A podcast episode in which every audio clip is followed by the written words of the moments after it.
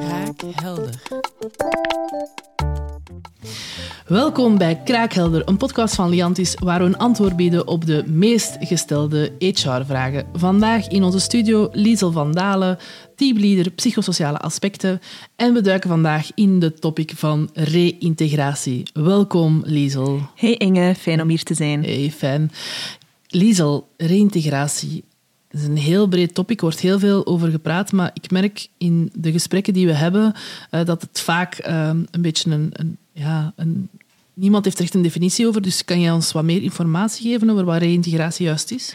Reïntegratie is eigenlijk een heel brede noemer. Um, wat wil zeggen dat medewerkers terugkeren naar het werk. Mm -hmm. Je hebt natuurlijk medewerkers die terugkeren na een weekje uh, een griep te hebben gehad. Mm -hmm. Maar je hebt natuurlijk ook reïntegratie en medewerkers die terugkeren na langdurige afwezigheid. Mm -hmm. Een aantal maanden tot zelfs een jaar of meer. Ja, en maakt de oorzaak van de afwezigheid uit voor een reïntegratietraject? Of spreken we altijd van reïntegratie of het nu gaat over uh, ik zeg maar een burn-out of een, een, langdurige ziekte? Reïntegratie is de algemene noemer, uh, maar natuurlijk uh, in het kader van stressgerelateerde klachten, klachten liever of burn-out um, hebben we wel een specifieke aanpak nodig. Er zijn er wel een aantal aandachtspunten. Goed, fijn uh, om dat inzicht al te krijgen. Als het gaat over reintegratie, we kregen vaak uh, de vraag van onze, van onze luisteraars hoe dat je dat eigenlijk aanpakt, zo'n een reïntegratietraject. Kan je ons daar wat doorloodsen door die verschillende stappen? Zeker aan vast. Uh, ik veronderstel dat de luisteraars vooral gaan bedoelen reïntegratie na een langdurige afwezigheid, ja, klopt, klopt. Uh, waarin dat we van drie fases spreken. Mm -hmm. De eerste fase is uh, terug een stukje verbinding met elkaar leggen. En rekening houdend met het feit dat medewerker, werkgever in een hele lange tijd weinig contact hebben mm -hmm. gehad. waarschijnlijk in het beste geval een telefoontje of tussendoor een berichtje of een gesprek.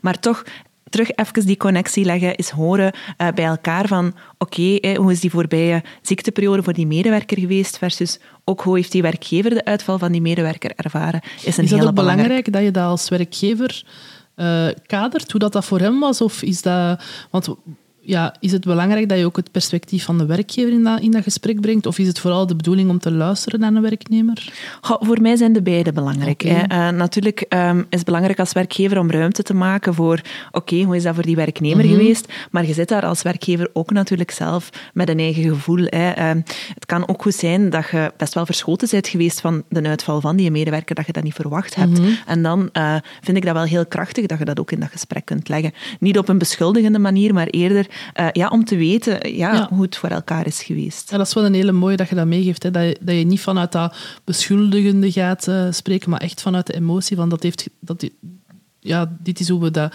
hoe ik me daarbij voelen. Dus dat is wel mm -hmm. uh, inderdaad een krachtig signaal, denk ik, om zo'n gesprek uh, te voeren. Ja. Goed, en dan de tweede stap.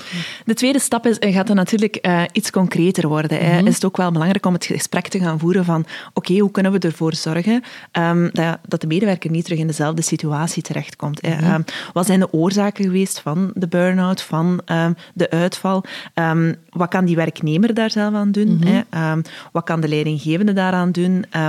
En ja, wat zijn ook zaken waar niets aan te veranderen valt? Mm -hmm. Ik denk dat dat onderscheid heel belangrijk is om te maken, omdat natuurlijk ook niet alles aangepakt kan worden.